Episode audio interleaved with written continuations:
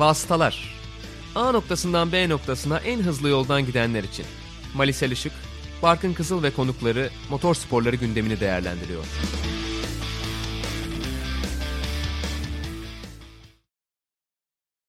Sokrates Podcast'te Vasıtaların 69. bölümüne hoş geldiniz.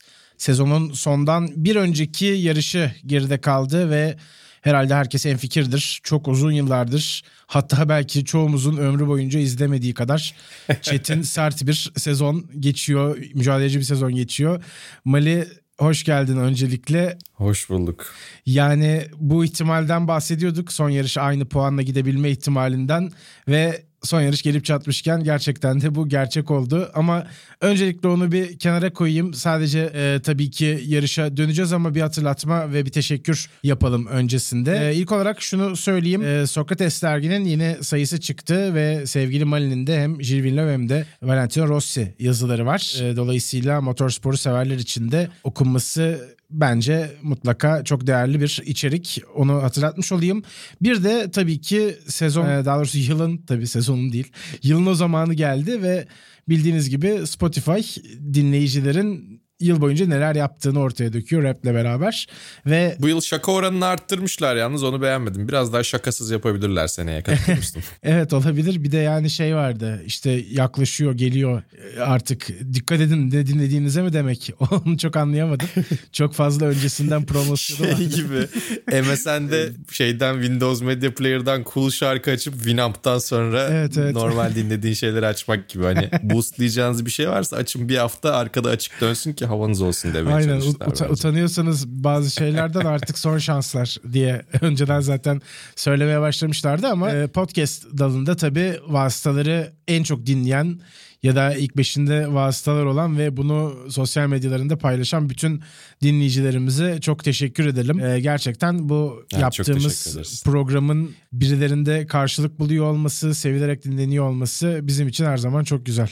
Evet yani biz zaten seninle muhabbet etmekten ya da işte buraya konuk aldığımız arkadaşlarımızla muhabbet etmekten keyif alıyoruz ama ya birilerinin buna ortak olması ve hakikaten seviyor, takip ediyor, bekliyor olması hem ilginç geliyor bana çünkü ben yani yayınlarımı da böyle 5-10 kişi yapıyormuşum gibi hissediyorum hep ama e, geri dönüş ve karşılık olduğu zaman çok da hoşuma gidiyor. Senin de aynı şekilde öyledir. O yüzden incelik göstermişsiniz, paylaşmışsınız. Biz de elimizden geldiğince yine cevap vermeye çalıştık. Mutlaka arada kaçırdığımız vardır ama Hepinize çok teşekkür ederiz. Umarız güzel bölümleri sizlere getirmeye devam ederiz. Ee, şimdi herhalde yavaş yavaş yarışa geçeceğiz ama sen bu pasları atmadan önce bir cümle kurmuştun. Böyle olmasını istiyorduk, tahmin ediyorduk diye. Ya bir kere bir ham verbot nasıl bu kadar olaylı bir yarış olabilir ve yani biz aynı puanda son yarışa gidebileceklerini tahmin ediyorduk ama böyle olacağını herhalde tahmin etmiyorduk değil mi Barkın? Evet yani kesinlikle öyle. Ee, bir de benim kaza öngörüm vardı hatırlarsın. Belki o yani birkaç Ya kere artık. gerçek oldu ama sonuç olarak Her yarışta yarış bekliyorduk ama görmedik. yani kazayı da böyle beklemiyorduk yine bence. Yani kazanın Evet, bu şekilde kesin. gerçekleşmesi yine çok acayip. Yani acayip olmayan hiçbir şey yok bu yarışla ilgili ve ben dünden beri biz ne izliyoruzu düşündüm Damalı Bayrak'a kadar. Damalı Bayrak'tan bugün kaydını yapıyoruz işte pazartesi günü öğlen saatlerinde. Ne izledik diye düşünüyorum bu sefer. Bir hafta boyunca da onun etkisi geçmeyecek herhalde yani. Ee, bu arada Mali e, yarış çok olaylı, çok müthiş gerçekten şampiyonluk için ama ilk olarak Cide pistini konuşarak başlamak ister misin? Yani Evet. e, hem aslında serbest antrenmanlardan sonrasında sıralama turlarında ve yine yarışta çok fazla kaza gördük. Ee, yani pistin ilk izlenimi de zaten ben hani sana da yazmıştım. Sence bu pist güvenli mi diye. Hiç Pek değil gibi. Tekinli değil ya tekinli tekinsiz yani bir pist. Tekinsiz. Tekinli değil bu pist öyle söyleyeyim. yani şöyle tabii ki sokak pistleri arasında hızlı olanlar da var. İşte Azerbaycan düzlükleri mesela çok uzun çok hızlı düzlükler. Son sektör zaten o işte sağ virajla beraber bir hızlanıyor. Bir daha e, ilk viraja kadar yavaşlamıyorsunuz vesaire.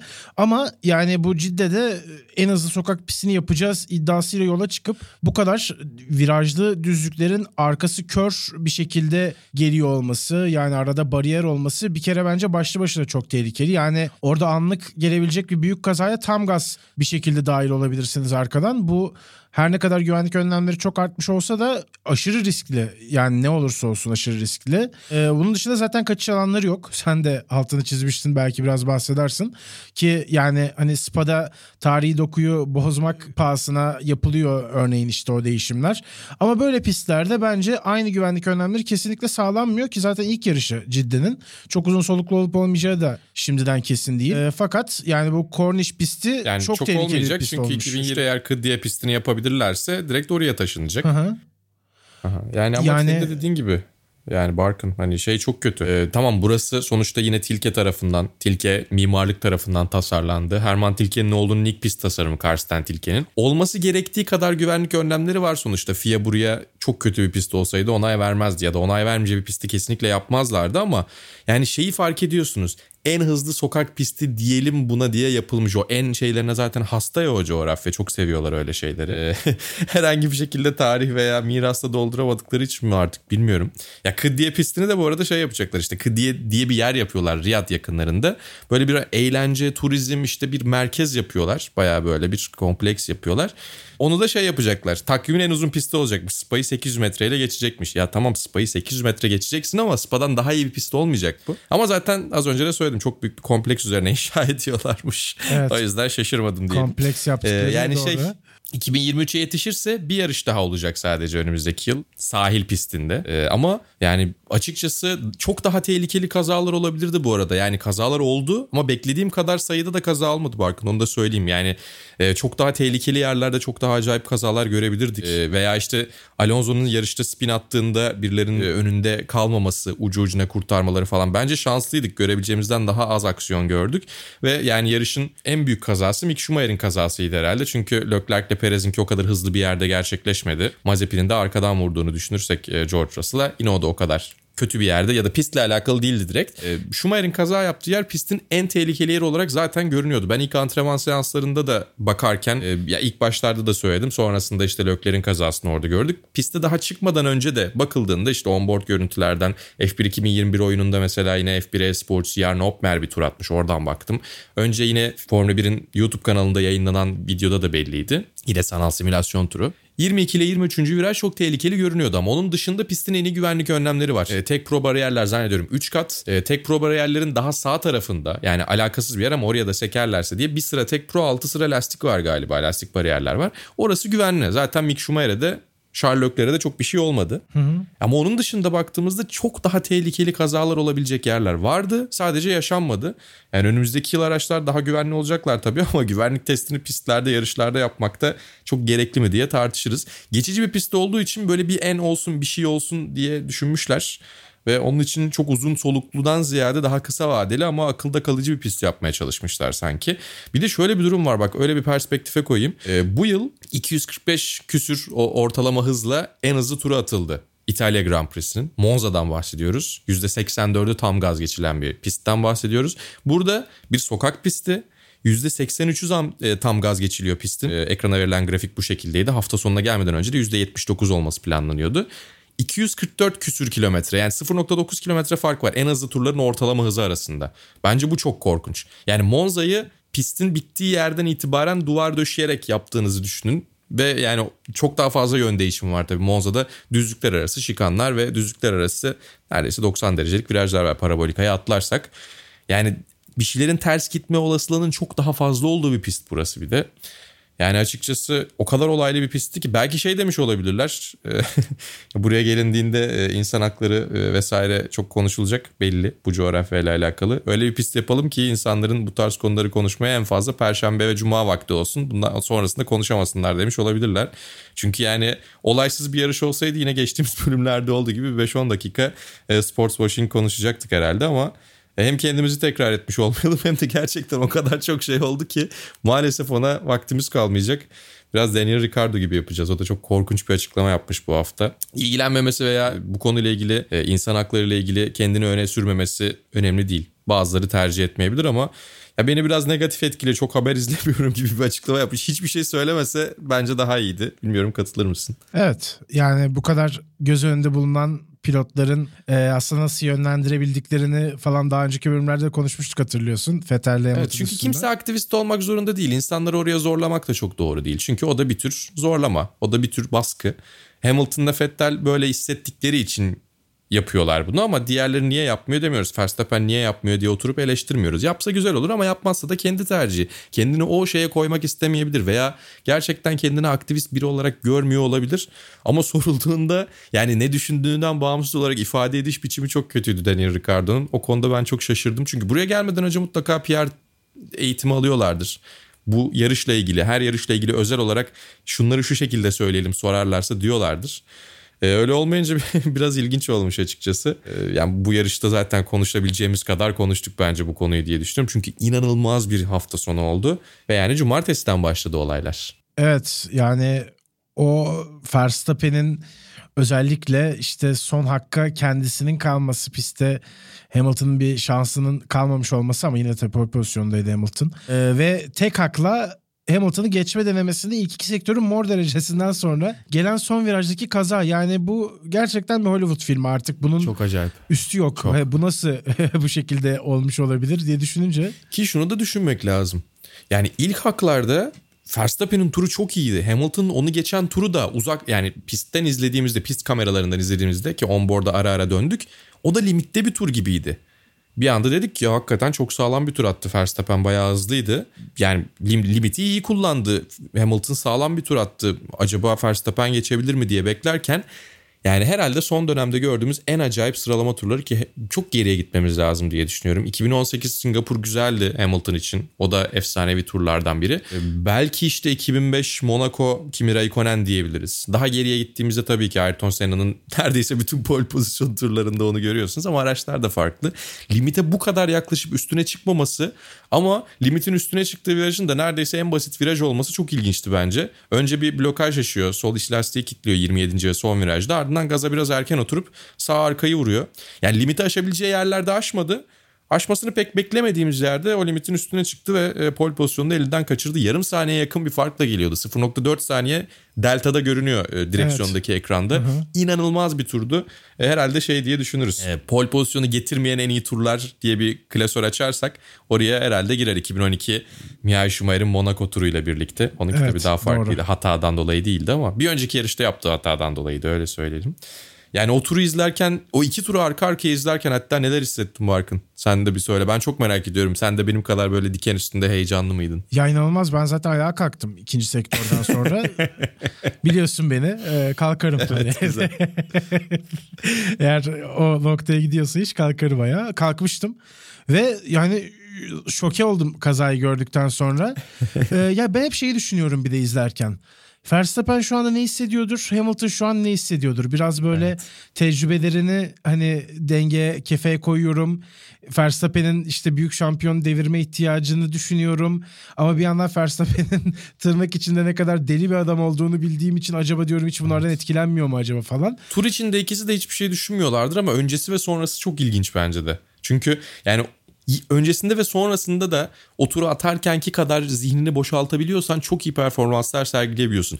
En ufak bir şüphe tohumu seni bir anda e, farklı bir yere itebiliyor. Ama bence ikisinin turunda da öyle bir şey yoktu gibi. Yani şüpheden dolayı değil çok limitin biraz altında biraz üstünde yani sonrasında çünkü ben Hamilton'ın turuna baktım dışarıdan limitte dediğim yerde bazı yerlerde o kadar fazla zorlamadığını gördüm. Çünkü ilk haklarında neredeyse hata yapıyordu bir ara spin atmaya çok yakındı. Çok büyük kontra vermek zorunda kalmıştı.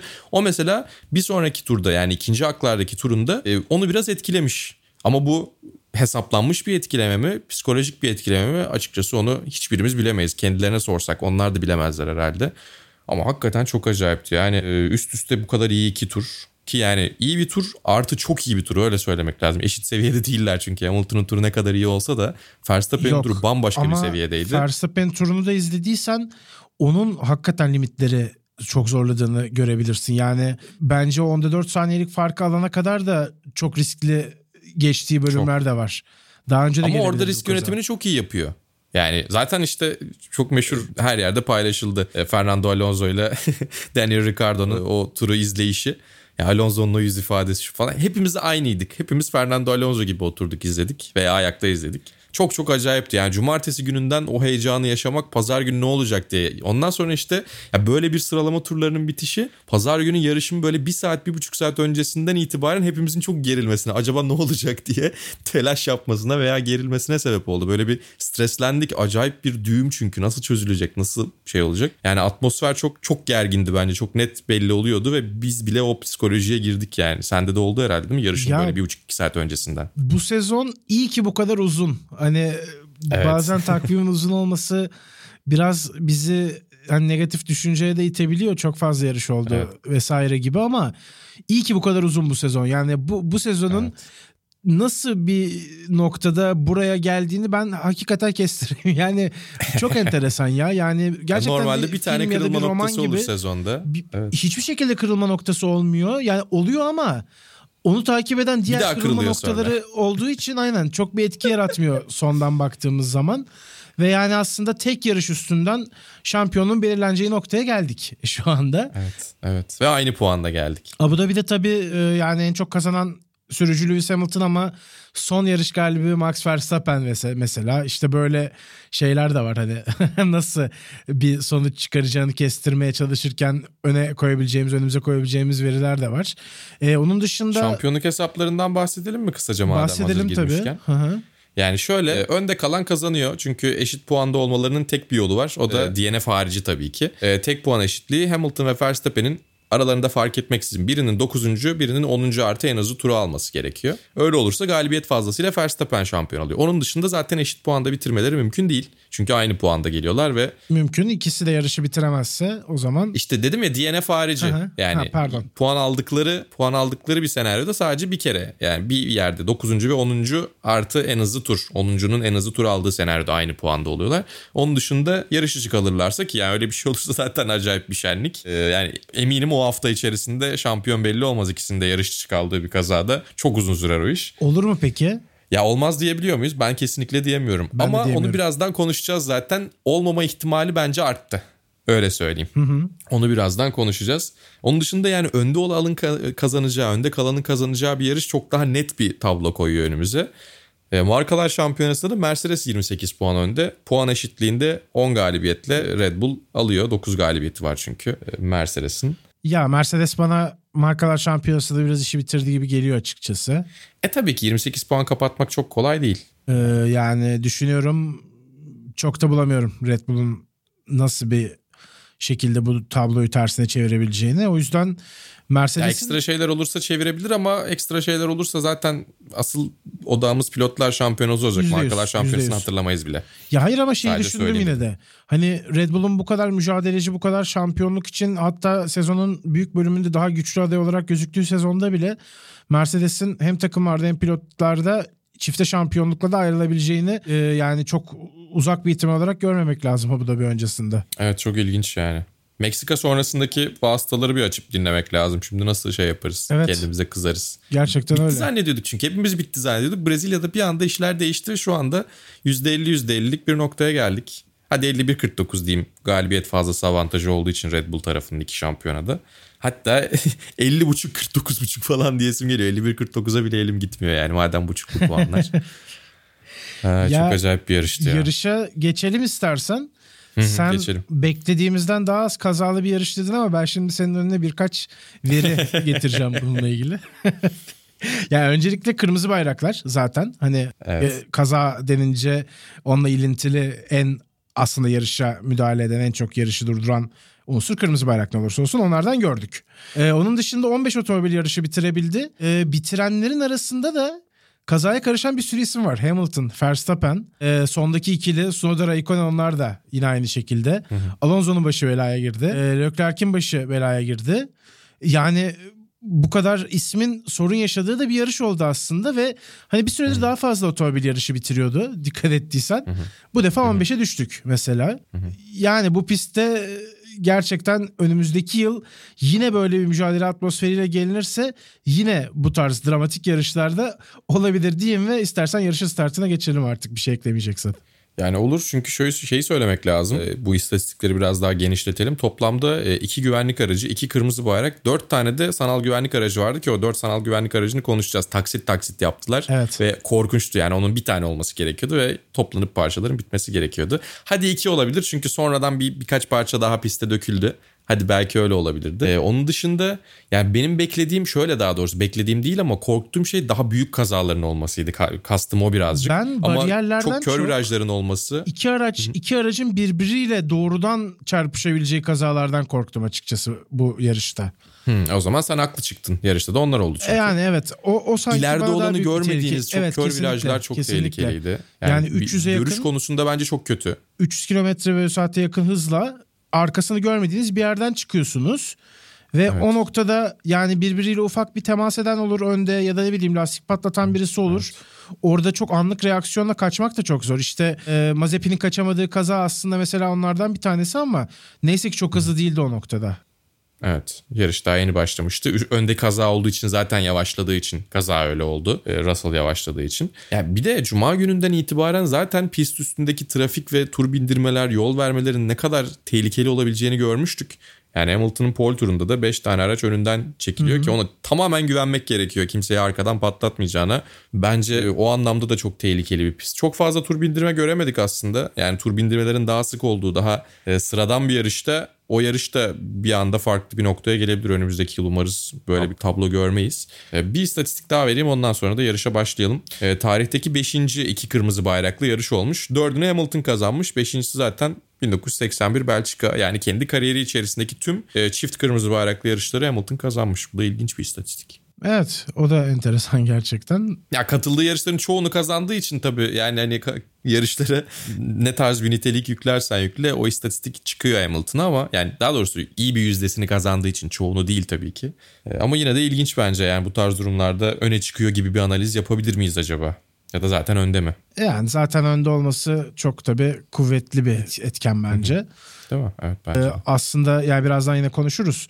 Red Bull'un stratejisi de iyi çalışmıştı ama yine sonuç olarak Hamilton kazandı yarış. Yani oraya geliriz zaten. Ee, yarışın başında aslında anlaşıldı biraz hareketli olaylı geçeceği yarışın. Ee, zaten daha 10. turda kaza gördük. Ee, onun dışında starttan tabii biraz bahsedebiliriz. Ee, ben artık her yarış startında acayip geriliyorum. Yani bu ilk viraj, ikinci viraj, üçüncü viraj geçişleri Evet. pistine göre. Ee, yani bize ne izletecek hiçbir şekilde emin olamıyorum. Ee, o açıdan gerçekten benim en çok eğlendiğim, en çok keyif aldığım noktalardan bir tanesi start. O yüzden kırmızı Yine bayrakla... güzel bu yarışta 3 tane Bol oldu bol işte. gördük aynen. o yüzden memnunum. Onu söyleyebilirim. Ee, peki yarış startlarıyla ilgili ne düşünüyorsun? Ee, Lewis Hamilton yine avantajlı başladı. Kırmızı bayraklardaki startları da konuşabiliriz istersen bu noktada. Olur, olur Ee, konuşalım. yani- Startlar diye bir klasör açalım. Aynen öyle. O şekilde valla. beraber konuşabiliriz.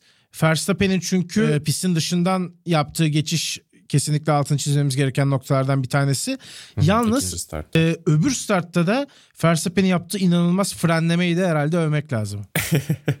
Kesinlikle övmek lazım. Ya ilk startta bu arada ben Bottas'ı övmek istiyorum. Çünkü çok iyi bir start aldı. Tamamen yapması gerekeni yaptı. Ne Hamilton'ı çok zorladı ne Verstappen'e geçiş fırsatı yarattı. Yani Meksika'da ne kadar eleştirdiysek burada da o kadar övmek gerekiyor. Bence ilk startın en büyük e, öne çıkan isimlerinden bir tanesi e, oydu. Startın ilk bölümlerinde Carlos Sainz da iyi işler yaptı tabii ki ama o da geriden başlamak zorunda olduğu için öne çıktı. Onun dışında standart bir ilk bölüm gördük. Yani ilk konturda da çok bir şey olmadı. O da evet, ilginç. olaysız Yani- geçtik dediğimiz bir start oldu. ilk start. Evet, evet yani hatta şöyleydi rutin bir şekilde ilerleniyordu. E, Valtteri Bottas da aradaki fark biraz daha açılırsa daha rahat Verstappen'den uzaklaşabilirim diyordu kirli havadan dolayı. Ya biz de tamam evet yarışın rayına oturdu derken bir anda her şey tersine döndü. İkinci startı da hemen konuşalım karşılıklı yine bir ben söyleyeyim bir sen söyle. Max Verstappen ilk virajı tam olarak tutturamıyor. Bence onda çok büyük bir problem yok. Evet tabii ki olabilir de ilk viraj olduğu için aslında mazur görülebilir. Görülmesi gerekiyor mu diye tartışırız. Ben olsam mazur görmem. Çünkü baştan sıkı tutmak gerektiğini düşünüyorum ama şu ana kadar gördüğümüz şeye bakarsak mazur görülebilir bir şeydi. İlk virajı kaçırması ve körblerin içinden dönmesi. Ama sonra dışarıya doğru ikinci viraj çıkışında çok fazla açıldı ve o kon ikisini birden geçti zaten. Orada bence çok fazla Hamilton'ı engellemeye çalıştı. Bu kadar risk almasına çok gerek yoktu diye düşünüyorum. Ama zaten ikinci startta da gördük ama önce bir ilk startı sen yorumla sonra ikinci starta geçeriz. Ee, yok ben de katılıyorum aslında. Çok fazla ekleyeceğim bir şey de yok yani o, o anlamda. Ee, Verstappen ceza alması gerektiğine de bu arada hem fikrim. Yani bilmiyorum sen öyle düşünüyor musun? Evet evet. Yani o şekilde geçemezsiniz kimseyi. Ben olsam verirdim. Böyle bir şey gibi, evet. mümkün değil. Ki örnekleri oldu. F2'de de hafta sonu boyunca ilk virajı kesenler ceza aldılar. İlk virajda yani yarışın ilk virajı olmasa da startın ilk virajı olmasa da. O yüzden her şey olması gerektiği gibiydi. Adildi. Ee, ama evet. tabii Michael Massey'nin sonradan vereceği e, Ocon önde kalkış kararını herhalde konuşmak lazım. Orası enteresan oldu çünkü. E evet o pazarlık fena bir pazarlıktı. ilginç bir pazarlıktı. Çünkü dediğin gibi normalde Verstappen'in alacağı ceza 5 saniye cezasıydı evet. veya 10 saniye cezasıydı. Hı-hı. Daha geriye düşecekti. 10 çok sert olurdu 10 vermezler diye düşünüyorum. Çünkü örneği de 5 dediğim gibi F2'de de 5 saniye cezası verdiler. Onun yerine eğer böyle bir şey isterseniz size bir teklifim var dedi. Masi Bey aradı kutusunda büyük hissediyor mu hissetmiyor mu diye sordu Red Bull'a. Hayır çok saçma ee, yani Dedi bu. ki yani Ocon polde başlayacak. Hatta onu da ilk başta karıştırdılar galiba FIA tarafı. Emin değilim şey yapmayayım ama karıştırdılarsa o da ayrı bir skandal. Ee, Hamilton'a grid'e gelirken yerini vermek ister misin? Zaman cezasından kaçmak için dediler. Onlar da kabul ettiler. Ya bu cezayı mümkün olduğunca azaltıp adaleti sağlamak adına fena bir şey değildi. Ama bunun yönetim biçimi yine çok kötü Michael Massey'nin. Ya da biz bu sene duyuyoruz diye mi bu kadar şey? Öncesi, öncelerde diyalogları bilmiyorduk tabii ki. Charlie Whiting zamanında neler konuşuluyordu ama yani çok ufaktan da olsa tabii ki tanıyanların anlattığı şeyler de var. Serhan abi başta olmak üzere. Charlie Whiting'in e, iyi e, yönetimiyle ilgili. E, onun dışında e, ara ara böyle pilotlar briefinginde sakin ama sert yapısını görüyorduk. Sakin ama sağlam yapısını görüyorduk Charlie Whiting'in ki YouTube kanalında var. Onu sürekli yayınlamıyorlar çünkü pilotlar da kendilerini rahat hissetmeli briefinglerde diye. izleniyoruz evet. veya kamera önündeyiz gibi düşünmesinler diye. E, ama Michael Massey'nin bu durumları yönetmesi çok hoş gelmiyor. Takımlara çok fazla alan bırakıyor. Hareket doğruydu. Bence yapılabilir bir şeydi. Daha az problemli bir şekilde e, bir yarışın yeniden başlamasını ve bir önceki starttaki sorunu ortadan kaldırmak adına yapılabilir bir şeydi. Ve sonrasında da çok çok acayip bir e, üçüncü start. Yani Max Verstappen orada kaza yapmaya gelip kendini birinci sırada mı buldu bilmiyorum. Ya da gerçekten o kadar geriden gelip liderliği alabileceğine güvendi mi? Çünkü temas etmiyor kimseye. Tamamen limitte yapıyor. Hayır, Toprak Razgatlıoğlu frenlemesi yapıyor. Aynen. yani, Aynen onu söyleyecektim. Benden 5 saniye daha çok yaşayacaksın. Tam olarak o ki onu da tarih söyleyeceğiz. Verstappen'in kötü örneğiyle toprağın iyi örneklerini bence karşılaştırmak gerekiyor. E, dün de arkadaşlarla falan konuşurken benzer örneği ben de verdim. E ama üçüncü startı yani dediğim gibi ben orayı sorunsuz dönene kadar eyvah kaza yapmaya geliyor dedim. Sorunsuz döndükten sonra da helal olsun dedim. Bu kadar iyi bir fren kontrolü olur. Bu kadar iyi bir risk yönetimi yapılır. Ama yarışın geri kalanı için Verstappen adına onu söyleyemeyeceğim. Burada çok iyiydi. Orada inanılmaz. Yani zaten hep o seviyede olursa ya inanılmaz bir efsane haline gelir. Çünkü yani gösterdiği bence en üst düzey noktalar çok üst düzey.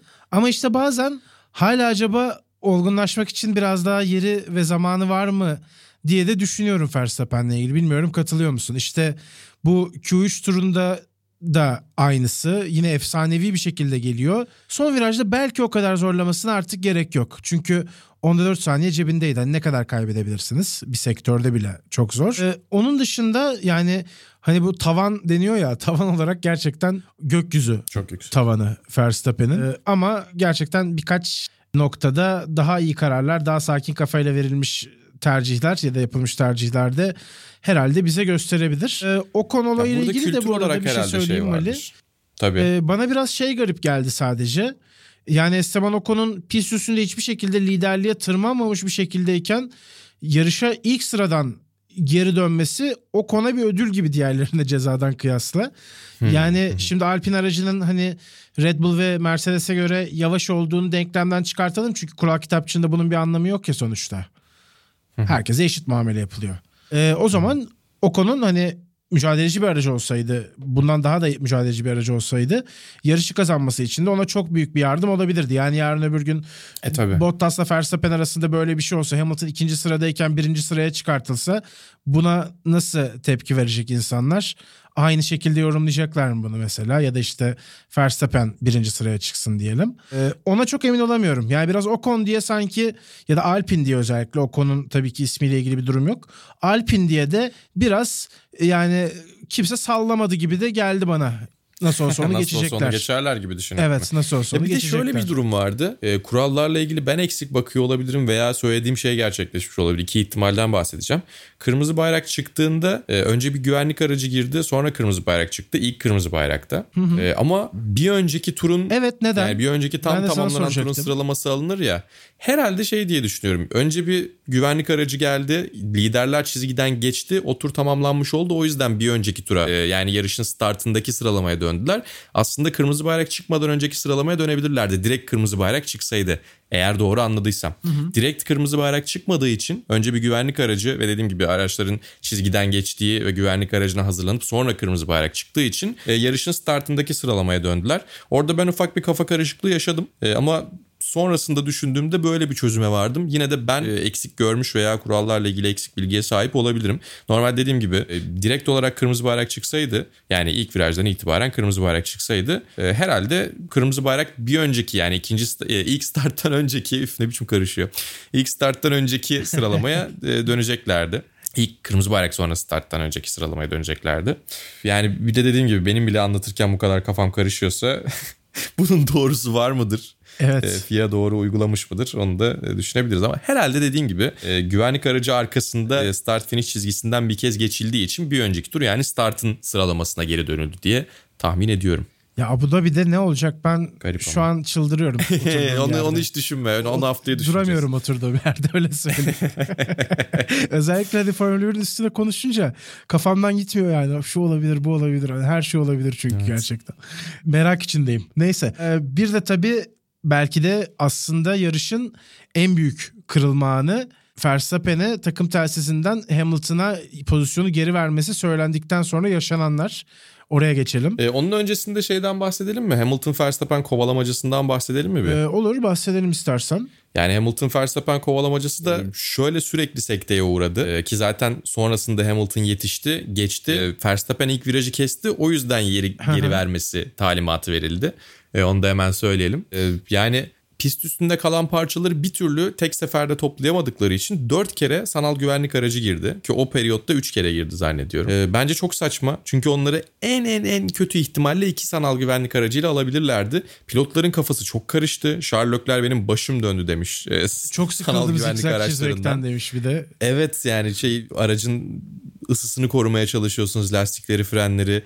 Yani bir taraftan gerçekten ne geldiğini görmüyorsunuz. Ee, tekrar hızlandığınızda veya yavaş kaldığınızda çok ciddi vakit kazanabiliyorsunuz veya kaybedebiliyorsunuz. Uyurken yakalanırsanız çok ciddi dezavantaj elde edebiliyorsunuz. Daha doğrusu çok ciddi dezavantaja uğrayabiliyorsunuz sanal güvenlik aracında. Ve bunu e, dört parti halinde yapıyor olmaları biraz kötüydü. E, Hamilton'la Verstappen mücadelesinin de biraz böyle araya reklam girmiş gibi oldu. Yani yetişti sanal güvenlik aracı. Daha doğrusu yetişme emareleri gösterdi. Öyle yetişti aradaki fark uzadı gibi bir şey değil ama e, sonrasında Hamilton Verstappen'e yetişti tabii ki. Daha iyi tempoyla sert lastikler vardı. Hamilton'da Verstappen'de orta hamur lastikler vardı. Kırmızı bayrak altında lastik değiştirmişti Verstappen.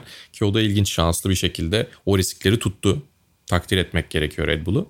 E, yetiştikten sonra ilk virajda ikisi de dışarıya doğru taştılar E, ama dışarıdan devam etti Max Verstappen ve bir avantaj elde etti. Bir fark açtı. Ondan sonra e, FIA'nın şöyle bir hatası var. E, önce Red Bull'u bilgilendiriyor. Diyor ki pilotunuz yer vermeli. Sonra gidiyor Mercedes'e öndeki yer verecek hazır olun diyor. Ama Red Bull'a bunu söyledikten hemen sonra Verstappen zaten yer vermeye başlıyor. E, dokunduktan sonra ancak Hamilton'a Mercedes duvarından mesaj gidebiliyor. Normalde bunun tam tersini yapmaları gerekiyor. Normalde Mercedes'in pit duvarını bilgilendirip birazdan öndeki aracı bilgilendireceğiz. Size yol verecekler. Siz de pilotunuza söyleyin hazırlansın demesi gerekiyor. Çünkü arkadaki pilotun durumdan asıl haberdar olması gerekiyor. Evet. Ama bunun tam tersini yaptıkları için e, bu saçma sapan olayın en büyük kusurunu e, FIA'ya yazmak gerekiyor. En büyük hatayı FIA'ya yazmak gerekiyor. Buradaki olması gereken mantıklı prosedürün tam tersini işlettikleri için garip bir durum ortaya çıktı. Ama yani ikisinde de bir akıl tutulması var. E, Hamilton'la Verstappen'e de ayrı ayrı laf etmek, biraz eleştirmek gerekiyor. E, çünkü Max Verstappen bir kere kurallara tam hakim değil demek ki. Bence iyi bir pilotun gri alanları kendine güzel bir avantaja çevirmeye niyetli pilotların bunu çok iyi bilmesi gerekiyor. Sebastian Vettel bu konunun en iyi örneklerinden bir tanesi. Kural kitapçığına hakimseniz onu çok iyi kullanabilirsiniz. Yeri geri verdikten hemen sonra geçiş yaparsanız aynı şekilde size yeri bir daha geri verdiriyorlar veya eğer böyle bir durum ortadan kalktıysa 2008 Spa'da olduğu gibi Hamilton'ın Raikkonen'e geri verebileceği bir yer yoktu. Çünkü Raikkonen kaza yapmış. Ee, yarış galibiyetini ceza ile sizin elinizden alabiliyorlar. Ya da işte hangi sırada bitirdiyseniz size bir ceza verebiliyorlar. Ki zaten o avantajı geri vermek asıl olay. O avantaj e, kısa bir süre içerisinde tekrar senin eline geçiyorsa durum tekrar sıfırlanmış oluyor. O yer vermenin bir manası olmuyor. Bunu bilmesi gerekiyordu. DRS bölgesinde böyle bir oyun yapmaması gerekiyordu Verstappen'in. Ama şampiyonluk öyle bir noktaya geldi ki en ufak şeyler. Ya geçtiğimiz e, yarışta Katar'da pit kablolarını birbirlerine tutmayı bıraktı bu takımlar. Girişte ve çıkışta rahat girsinler çıksınlar diye herkesin birbirine yaptığı ve ciddi anlamda padokta e, pit duvarında neyse pardon pit alanında e, centilmenlik anlaşması olarak herkesin üzerine düşünmediği otomatik olarak yaptığı bir şeyi yapmayı bıraktılar. Seviye çok başka bir yere gitti. O yüzden onu anlayabiliyorum ama dediğim gibi e, amatörlük açıkçası kuralları bu kadar iyi bilmeden e, öyle bir avantaj sağlamaya çalışması Verstappen'in daha öğrenmesi gereken şeyler olduğunu gösteriyor. Lewis Hamilton'ın da önünde yavaşlayan bir araç gördüğünde güvenmiyor olması e, Max Verstappen'in e, bir şeyler yapacağına olan inancı bu saçma durumu ortaya çıkardı. Çünkü önünde yani Max Verstappen bir e, teknik arızayla mekanik arızayla da yavaşlıyor olabilirdi. Onun arkasına kadar girmesinin hiçbir manası yoktu. Ama arka arkaya bir sürü sanal güvenlik aracı girdiği için o da bir tereddüt etti. Ne oluyor bir şey oluyor diye. DRS ile alakalı bir durum da var tabii. Max Verstappen yavaşlarken bana DRS'yi bırakmayacaktı. Ben de buna izin veremezdim de diyor ama bu kadar yavaşlamanın da bir manası yok. İkisi e, durma noktasına gelecekti. O Ocon mu gelip geçecekti onları yani. O da çok salak bir durumdu.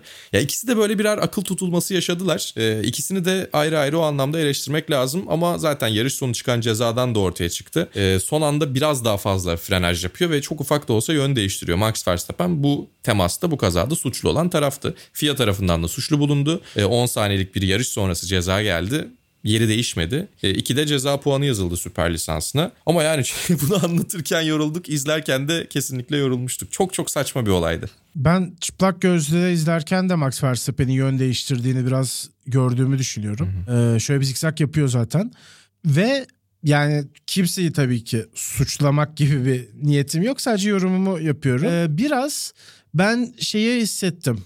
Ben frene basacağım gerisi çok da beni ilgilendirmez tavrı Max Verstappen'de bence yüzde yüz var. Ee, bir de ya şu şöyle haklı şöyle haksız. Yok hayır yani şey karşılıklı ama. bir durum zaten bu. Tabii sen gir araya sonra ben tekrar devam edeyim. Yani aslında doğru geçişi yapmanın sorumluluğu arka tarafta. Hep böyle, hep arkadan gelen. Ama yol vermesi gereken, yer vermesi gereken suçlu bulunan taraf olarak bunu güvenli bir şekilde yapmak da senin görevin. Pist üstünde sana salık verilen hareketi doğru ve güvenli bir yerde yapmak kesinlikle zaten yapılması gereken bir şey. Yani FIA direkt olarak buna bakacaktı. Buradan bir avantaj sağlayıp ceza almamış gibi devam etme ihtimali yoktu Verstappen'in. Bunu düşünememiş olmasına biraz şaşırıyorum. Kafada şu kesin var Mali bence. Vereyim pozisyonu ve hemen geri geçeyim. Bunu yani %100 zaten aklında olduğuna işte kuralları bilmiyor eminim. demek ki. Bunu yapamıyorsun çünkü. Hı Ya ama bunu kovaladı zaten. Yani bunu evet, evet. gösterdi. Bunun aklında olduğunu bize gösterdi. Ee, bir kere o var. Bence kesinlikle aklının bir köşesinde. Ee, bir yandan evet bence biraz sert fren yapıyor. Hatta frenlemede hafif yönde değiştiriyor. Ama bir yandan şöyle bir e, diğer taraftan bakmak gerekirsek bir noktada var. Senin de dediğin Hamilton gibi da arkasına aynen giriyor, öyle. Hamilton'ın da onun arkasına gireceğini yani zannetmiyordur. Muhtemelen Hamilton'a da artık pozisyonu verecek geçişi yap bilgisinin gittiğini düşünüyordur. Ee, ve sadece... O arada gitmiyor onu da tekrar Aynen öyle. O geçişi yaparken gidiyor. Lewis Hamilton'ın bence biraz daha tereddütlü bir kafa yapısına bürünmesini sağlamaya çalışmıştır diye düşünüyorum. Çünkü bu şekilde çok bariz bir kaza denemesi e, artık hiç kimse tarafından e, kabul görmüyor. Yani bunun sonunda puan silinmeye kadar gidebilecek yaptırımlar çıkabilir. Çok farklı telemetre verilerinden tutun görüntülerden her yerden yani çok net bir şekilde artık anlaşılabiliyor kimin hangi niyetle ne yaptığı ee, ve o büyük kaza yapmak da zor hale geldi diyordun ya aslında istersen buradan oraya da bağlarız hem bu bir etken hem de kendi mimlede Verstappen. Mimledi. Yani son yarışmış gibi şampiyonluğu kaybetmek üzere olan bir pilotmuş gibi bunu yaptı ve gerçekten ihtiyacı yok. Yani evet tamam geride gitmek, geride bitirmek istemeyebilirdi ama e, yani her pilot tabii ki kazanmaya çıkıyor. Şampiyonla son yarışa puan farkıyla gitmek isteyebilirdi ama onun bedelinin bu olmaması gerekiyor. Çünkü e, tamamen stratejik olarak baktığımız bak doğrudur yanlıştır sportmendir değildir değil. Tamamen e, pragmatist ve e, objektif olarak bakmaya çalışıyorum. Doğru bir şey yapmadı çünkü e, Hamilton'la kaza yapabilecek. Biraz bilerek, biraz zorlayarak tek bir hakkı vardı. O hakkı burada kullandı. Abu Dhabi'de benzer bir şey olursa Max Verstappen şampiyonadan diskalifiye edilir. Yani şampiyonluğu bir kazayla Max Verstappen'in tamamen suçlu olduğu değil çoğunlukla suçlu olduğu ki bu bir ayrımdır yine FIA'nın verdiği kararlarda bu sene sıkça da konuşuldu. Sevgili Serhan Acar da e, sıklıkla konuşuyor zaten bununla alakalı çoğunlukla suçlu olduğu bir kazada ikisi de yarışı bitiremez ve Max Verstappen galibiyet fazlasıyla şampiyon olursa çok muhtemeldir. E, o şampiyonluğun e, yani çok uzun bir hukuki süreç olabilir belki ama bir şekilde bir diskalifikasyon veya bir puan cezası benzeri bir şey yapılabilir. Çünkü böyle bitmesini Formula 1 kesinlikle istemez. O yüzden çok sert bir şekilde ki bence çok daha öncesinde iki pilotun da kulağının çekilmesi gerekiyordu çeşitli noktalarda. Brezilya'dan sonra zaten bu hareketleri yapmayı düşünmemesi bile gerekiyordu ama Red Bull biraz toksik bir ortam. Ki yani örneklerini Mercedes'te de görüyoruz bu arada. Mercedes'i de çok iyi bir yer gibi söylemiyorum. Ötekileştirildiğin zaman saçma hareketler yapmaya devam ediyorsun. Biz bence çok iyi biliyoruz zaten bu durumu. E, burada yaşayan insanlar olarak. E, karşı tarafı öcü gibi göstermeye çalıştığın zaman yapabileceğin şeylerin de sınırı kalmıyor. İki tarafta bu konuda haddini ve çizmeyi çok uzun süredir aşmış durumdalar. Ama bunları kontrol edemeyen bir FIA en büyük suçlusu açıkçası bu durumun. Ve dediğin gibi kendini mimledi Max Verstappen. Ee, yani şampiyonu dediğim gibi kaybetmek üzere olan bir pilot hareketi yaptı ki henüz bir şey kaybetmedi. Yani belki geçebilecekti tekrar arkasına takılabilirdi, devam edebilirdi, zorlayabilirdi. Yani kaza yaptırmak ilk çözüm olarak aklına gelmesi de bunun ilk çözüm olarak aklına gelmesi de çok sıkıntılı bir düşünce biçimi bence. Yani şey gibi Abartılı söylüyorum tabii ki. Aynı seviyede kesinlikle değil. Aynı şekilde değerlendirirsin diye de söylemiyorum. Ama yani Herez 97'ye gidiyor insanın aklı. Spa 98'deki o tartışmalı durumdan ziyade. Çünkü orada tabii görüş de az. Bir de işte David Coulthard hala bilerek yapmadığını iddia ettiği için ortada bir şey yok ama yani Herez 97'de Mia Schumacher'in yanından geçip gitmek üzere olan Jacques Villeneuve çaresizce tabii ki çok yanlış korkunç. Hı hı. Lekedir ki zaten siyah bir lekedir. Çünkü zaten diskalifiye oldu. Tablolarda da öyle görünüyor. Ya o mantaliteye girdiğini görüyor insan. O panik gö- görülüyor ya da işte öyle yapması gerektiğini düşünüyor. Bence bu biraz problemli. Bu şöyle problemli. E, bu kazanmasına yardımcı olmayacak bir şey. Ben tabii ki sportif açıdan baktığımda, centilmenlik açısından baktığımda evet tabii ki hoş değil ama bu sene dediğim gibi centilmenlik sınırlarını buruşturup köşeye attılar. Evet. Az önce de söylediğim gibi kabloları birbirlerine tutmayı bıraktılar artık. Yani o seviye aşılalı çok oluyor. FIA yüzünden, Michael Massey yüzünden o seviye aşılalı çok oluyor. Ama bu Max Verstappen'e fayda da sağlamayacak. Yani son yarışa e, çok daha bunu yapabileceği bir kendine gri alan bırakabilirdi. Artık gri alanı çok daralttı kendi adına. Onu kullanabileceği bir şey olmayacak. Pist üstünde adil bir şekilde geçebilirse geçebilir. Yoksa e, açıkçası şampiyonluğu alabileceği bir senaryo da yok. Yani iki, yarış, iki pilotun da yarış dışı kaldığı bir noktada eleştiri okları direkt Max Verstappen'e çevrilecektir. Tabii takım ona bunu bu şekilde anlatacak mı onu bilmiyoruz. Günün pilotu seçildi bir taraftan kendini %100 haklı ve haksızlığa uğramış görüyor olabilir. E, o da biraz problemli. Ama dediğim gibi iki pilotun da çok acayip şeyler yaptığı bir sezondan geçiyoruz. Sağlıklı bir psikolojik noktada kalabilmenin de e, takımın görevi olduğunu düşünüyorum. İki takım da bu sınavdan kaldılar zaten. Ya bu arada Lewis Hamilton da bu konuda hiç sabıkası olmayan bir isim değil onu da söyleyelim. Evet evet. Çok daha hafif çok daha bu kadar etkisi büyük olmayan pozisyonlarda Alexander Albon'la yaşadığı iki kaza var evet. son yıllarda. Çok Ama bak aradaki fark olarak... da şu. Sonrasında Hamilton özür diliyor. Cezasını alır almaz. E, sonrasında bu durumu kabul ediyor. E, Silverstone'da Verstappen'le bir yani temas ettikten Hı-hı. sonra özür dilemiş miydi hatırlamıyorum. E, mesela Yok hayır ben şeyden bahsediyorum. E, Alex Albon falan tarzı. Yok bu sene diyorum ya bu sene ikisinin de kabul edilebildiği tarafı yok. Centilmenlik diye bir şey yok bu sene. Kesinlikle yok. Gentleman yarışıyoruz dediği zamanlarda bile yoktu. Ama dediğim gibi bunu taktik olarak kullanıyorsa bile Hamilton orada avantajlı. Max Verstappen'in podyumu terk etmesi yine hoş bir görüntü değil. E, çünkü ya bunu yapmak zorunda değil. Kötü hissetmiş olabilir kendini ama taktik anlamda işine yaramayacak hareketler bunlar. Hamilton'ın dediğim gibi yani samimiyetini açıkçası ben bilemem. Hamilton'dan başka kimse bilemez. Ama olması gereken yapılması gereken hareketleri daha iyi yapıyor. Ya zaten öyle bir noktaya tırmandı ki gerilim sen de söyledin. Yani takım patronlarından pilotlara, pilotlardan çalışanlara herkese acayip şekilde yansımış durumda ve Uzaydayız herkesin kafası karışık çok, çok öyle bir ortam var. Yani sezonun son yarışında son podyumda bitene kadar herhalde bu çözülmeyecek bir gerginlik gibi gözüküyor. Ee, hafta içinde yapılan açıklamalar da sertti karşılıklı zaten. Ee, Verstappen biraz Hamilton'ın işte uzun süredir çok iyi araçta olmasına bağlamış. Ee, bu kadar. Hani bu seriye Hmm. damga vuran bir isim olmasını. Öte yandan Hamilton'da hani kimler geldi kimler geçti ben hepsini yeniyorum gibi. Ee, isim vermeden tabii konuşuyorlar ama yani çok ciddi gerçekten rekabet var. Aşık atışması. Neyi ekleyecektin? Ee, şey de söyleyelim mi Barkın? Ee, bu yer verme konusunda iki tane nokta var. Onu da tartışalım. Oradan sonra da herhalde artık yarışın sonunu konuşuruz. hı. Ee, Alexander Wurski eski e, Grand Prix Sürücüler Birliği'nin de başkanıydı. GPDA'nin başkanlığını yapmıştı eğer yanlış hatırlamıyorsam bir süre. Ee, şöyle bir şey demiş. Çok güzel bir öneri bence. Eğer bir pilot yer verme zorunluluğunu DRS ölçümünden önce gerçekleştiriyorsa bir sonraki DRS bölgesinde DRS'yi kullanamasın demiş. Çok güzel. Gayet mantıklı bence bu. Uygulanabilir bir şey. Bu saçmalığı engelleyecek bir kural. Bir de şöyle bir durum var. Yer vermenin iyi örneği Bahreyn mesela. Bahreyn'de hani yer verme konusunu o dördüncü viraj çıkışını şunu bunu tartışırsınız. Dışarıdan döndü veya dönmedi. Dışarıdan geçiş yapamazsınız bu arada o çok net. Ama yani onu oluşturan şartları veya yarış içerisinde e, geçiş halinde olmadığında Hamilton'ın oradan geçtiklerini falan tartışabilirsiniz. O ayrı. Ondan bahsetmiyorum ama oradaki süreci iki viraj içerisinde çok güzel yönetmişlerdi sene başında. Çünkü sene başında bu işlerle ilgili kontrolü daha fazlaydı FIA'nın ve Michael Massey'nin. Burada kontrolü o kadar kaybetmişler ki yanlış sırada bilgi verdiler. Yani yoksa düzlükte yine e, Max Verstappen gayet güzel bir şekilde yerini vermiş. Ondan sonrasında da yola devam etmişlerdi. Orada ya. mesela Bu- bunu olması gereken? Bahreyn çok iyi örnekti. Ya bu bu yanlışı nasıl yapabiliyorlar? Ben aklım almıyor. Hani bu karar verme hatası Otorite da değil. eksikliği. Uygulama hatası direkt.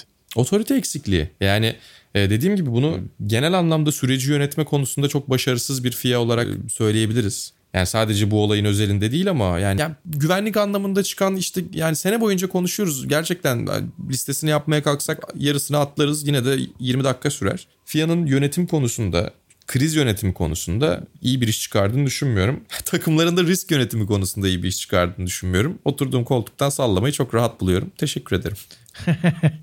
Yarışın sonuna geçelim ama ben enteresan bir olay sebebiyle yarışın sonunu izleyemedim açıkçası. Yani sonra tekrardan izledim ama ca- canlıda izleyemedim. Ee, son 5 tur kala bir anda apartmanımızda yangın alarmları çalmaya başladı.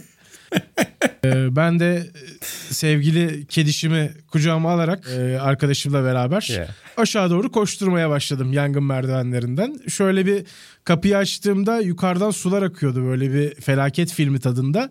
10 kat aşağı doğru koştum. Ben de o arada alev emojisi atıyordum Twitter'a. Muhtemelen dedim herhalde ya Hamilton ya da Verstappen'i destekleyen birisi artık yeter dedi ve yaktı yani ortalığı. Çünkü hani yarışta da tam o kritik eşik geçildikten hemen sonra gelmişti. Ee, dedim birisi meşale yakarken herhalde yaktı evi yani bundan sonra e, şey bu yarıştan bu anılarla ayrılacak herhalde komşum. Ee, öyle değilmiş neyse ki. Daha hafif bir şeymiş ama e, nihayetinde ben bir sağlam akşam sporu yapmış oldum. Şöyle 10 kat inip 10 kat merdiven çıkmalı. Ee, arada kedi pençeleriyle Nabız dövüşmeli. zaten 200. Tabii nabızlar Aynen. 200'e vuran bir son bölüm yaşadım. Yani zaten yarışın heyecanı yetmiyormuş gibi bir de hayatıma farklı heyecanlar katıldı. Bu sırada da Bottas Ocon'u geride bırakıp podyuma çıkmış. Ee, kendisini tebrik Evet, ben ediyorum. anlatayım o son bölümü. Son turları bir istersen. özetleyeyim istiyorsan senin için. Tabii. Ya son turlarda da zaten az önce biz ne izledik ne saçma bir şey oldu diye düşünürken acayip bir en hızlı tur hesapları vardı. Çünkü Max Verstappen'e 5 saniye cezası geldi. Onu gördüm Ee, az önce bahsettiğimiz. bu arada. Onu gördüm. Aynen.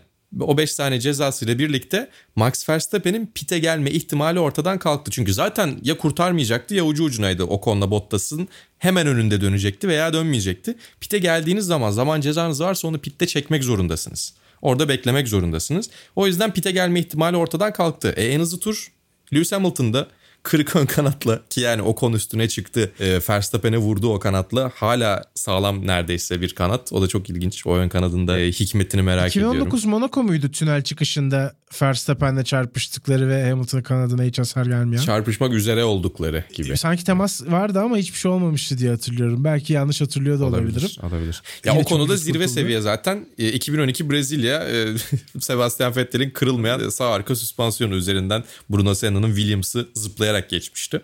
Ya olmayınca olmuyor bazen hakikaten ilginç o da. Yani araçların bu arada bazı açılardan ne kadar sağlam olduğunu da görebiliyoruz. E, çünkü belli açılardan o karbon fiber çok çok güçlü ki o downforce'u kaldırabilsin zaten. Neyse e, Verstappen bu yüzden pite gelemedi. E, en hızlı turu başka kimle alabilirler? Perez'le alamazlar. Perez de yarış dışı kaldı. O yüzden en hızlı tur Lewis Hamilton'da kaldı. Ona yapacak bir şey kalmadı. Yani en hızlı turu almak için yapabilecekleri bir koz ortaya çıkmadı. O en hızlı tur hesaplarının da kilitlenmiş olması çok ilginçti. Onun dışında zaten e, birbirinin üstüne düşük hızda e, süren e, sokak pisti e, yarışlarında birbirinin üstüne düşük hızda süren pilotların olduğu bir yarışta Valtteri Bottas düzlükte e, son e, düzlükte geçiş yapıyor. Böyle e, spesifik ve iki kez olmasına çok şaşırdığımız bir istatistik var. 2017 Bakü'de biliyorsun e, Sebastian Vettel ve e, Lewis Hamilton Hatta aynı şekilde bana fren testi yaptı diyerek e, gidip onun üstüne hafiften sürmüştü. Sonrasında da Bottas Lance Stroll'u düzlükte geçerek e, yarışı ikinci sırada bitirmişti. Ben yerinde izlemiştim o yarışı. Ben gittiğim için o kadar acayip bir yarış olmuştu zaten. Oradan sonra da bu yıla kadar çok acayip bir Bakü yarışı görmedik. Evet Tarkan da zaten bildiğin gibi 6 tabii. metreden izlenmişti o yarış hafta sonunda bildiğim Aynen kadarıyla. 6,5 6 6,5 metre civarı Tarkan'ın en, en iyi izlendiği İdealdir. mesafe. Aynen kesinlikle. Ya bunlar oldu ve Bottas e, o konu son bölümde geçti ki o konuda gerçekten son dönemde e, iyi performanslar sergiliyor. Alpin çok iyi bir performans sergiliyor. İki yarış üst üste podyuma çıkıyorlar da az daha az kalsın. E, ama tabii ki düzlük hızı çok ciddi bir avantaj. E, çok daha iyi hız taşıyarak da çıkıyor. E, ve bu sayede podyumun son basamağına çıktı. Ve dediğim gibi Hamilton, Verstappen, Bottas üçlüsünün bitirdiği bu sırada bitirdiği bir yarıştan böyle bir aksiyon olması tahmin edilebilir bir şey değil yani. Benim hayal sınırlarımı zorluyor. Alfa Tauri bu arada hızlıydı yine. Onu da söyleyelim istersen. Sunoda kaza yapmasa çok iyi bir sonuca da gidebilirdi. Ö- İyi değillerdi ama hızlılardı diyebilir miyiz Yani öyle evet bir genel bir iyi ve tabirle? hızlı arasında bir fark varsa kesinlikle diyebiliriz. Hızlı oldukları kesin. Ee, daha iyi sonuçta alabilirlerdi diye bağlamak lazım belki. Norris şanssızdı. Yoksa McLaren aslında toparlamış son zamanlara göre bence. Evet Ricardo'nun sonucu iyiydi. Ee, Ferrari yine şanssızdı aslında. O yüzden çok da doğru yorum yapmak kolay olmayacak. Ee, bunun dışında Fark bir puan mı kapandı? e, galiba puan galiba, kapandı. evet. Giovinazzi'yi ufak övelim istersen. Ee, gider ayak en azından bir puan en azından iki puan yani 9. sırayı almayı başardı öyle söyleyeyim. Evet Ee, üçüncü puanını aldı bu sezonki. o da Formula E'ye gidiyor bu arada. Formula E izlemek isteyenleri Eurosport'a davet gidiyor. edeyim. Ee, kazanma şansı daha yüksek diye Formula E'ye geldiğini söylemiş. Yani kazanan pilotların çeşitliliği açısından doğru ama içlerinde Dragon takımından kimsenin olmaması açısından çok doğru olmayan bir iddiayla geldi. Ee, üçüncü nesil araçlar seneye mi geliyor bir sonraki seneye mi? Ee, bu sene gelmiyor. Tamam. Yuvarlak bir bir sonraki seneye yani. En, en erken bu seneye tamam. Bir, en erken bir sonraki Hı sene. hı. Belki Gen 3 araçlarla, 3. jenerasyon araçlarla bir şeyler yapabilirler. Ama onu da sen çok laf arasında kalmasın. Ee, Eurosport ekranlarında e, sen, Berkem, İzge'de anlatıyor değil mi? Ee, Ona da yani, denk geliyor Formula'ya galiba. e, Hatırlamıyorum ama siz yine gelin İzge'de başka şeyler anlatıyor. Reklamını yapmış olayım. Evet yani zaten çok güzel, çok keyifli motor sporları yayınları yapmaya devam ediyorsunuz orada. Formula'nın adresi. Onu da söyleyelim. Ee, yani bu şekilde de Abu Dhabi'ye gideceğiz. Hamilton ilk kez hat-trick yaptı bu arada. Onu da söyleyelim. 2-1 oldu Verstappen. Abu Dhabi'de de yaparsa hat-trick'le şampiyonluk olur. yani Hat-trick fazlasıyla değil tabii öyle bir sorayım hesap mı, yok ama sorayım evet mı yani beklentini kazanırsa kazanırsa Abu Dhabi'de ne olur diye. Yani bir şey demek herhalde çok mümkün değil ama var mı tahminin? Ya gerçekten bilemiyorum ama yani Abu Dhabi'de sakin bir final olma ihtimalini düşük görüyorum. Şeyi konuşuyorduk ya işte bölümün ortasında söyledim. Kaza olma ihtimalini Cidde öncesine göre daha düşük görüyorum. Çünkü Verstappen kendini senin de söylediğin gibi biraz mimledi. Ama yani kesinlikle aksiyon olacak. Kesinlikle zirve mücadelesi göreceğiz. Tabii pist biraz değişti. Pistin birkaç bölgesinde artık geçiş yapmayı daha kolaylaştıracak ya da en azından geçiş hazırlığı yapmayı daha kolaylaştıracak değişiklikler yapıldı. Bu tabii ki Abu Dhabi keyifli bir pist yapar mı bilmiyorum göreceğiz. Yani çok acayip bir final bizi bekliyor. Ee, Abu Dhabi Grand Prix'si için heyecanlıyım. Bu cümleyi de ne kadar tekrar ederim ileride bilmiyorum ama gerçekten ilginç. Yani çok çok acayip bir final bizi bekliyor. Ne olursa olsun son zamanlarda gördüğümüz en iyi sezon. Ama herhalde yani bu kadar yukarıya doğru gidiyorsa hep beklentilerimizin üstüne koyarak devam ediyorsa tahmin edemeyeceğimiz kadar acayip bir final olacak bence. Evet kesinlikle ben de sakin geçmesini beklemiyorum. Kaos, olay yani kazayı bilemeyeceğim ama pist üstü aksiyon, pist dışı aksiyon, pit duvarlar arasında aksiyon her şey e, bence bu yarışta mevcut olacaktır ve yani o kadar turun geçmesini de nasıl bekleyeceğiz hakikaten onu da şimdiden kestiremiyorum. Yani her an her şey olabilecek bir durumdayken o yarışı öyle izlemek de çok acayip bir deneyim olacak diye düşünüyorum. Evet. Dünya Kupası finali izliyor gibi evet yani Dünya Kupası finali gibi. Tam bir final. Müthiş yani dünya üzerinde bulunmak için berbat zamanlar belki ama Formula 1 taraftarı olmak için çok iyi zamanlar diyerek e, programında bu bölümünü kapatıyorum. Acımızı bal eyledik diye kapatıyorsun yani. Vasıtaların 69. bölümü sona eriyor böylece. Artık bir sonraki bölümde kayıt için mikrofonların başına geçtiğimizde şampiyonu öğrenmiş olacağız. Sizler de öğrenmiş olacaksınız ve üstüne konuşacağız, değerlendirmesini yapacağız. Böylece Kim bilir ne olacak veda yani. edelim. Önümüzdeki hafta tekrar görüşmek üzere. Hoşçakalın. Hoşçakalın.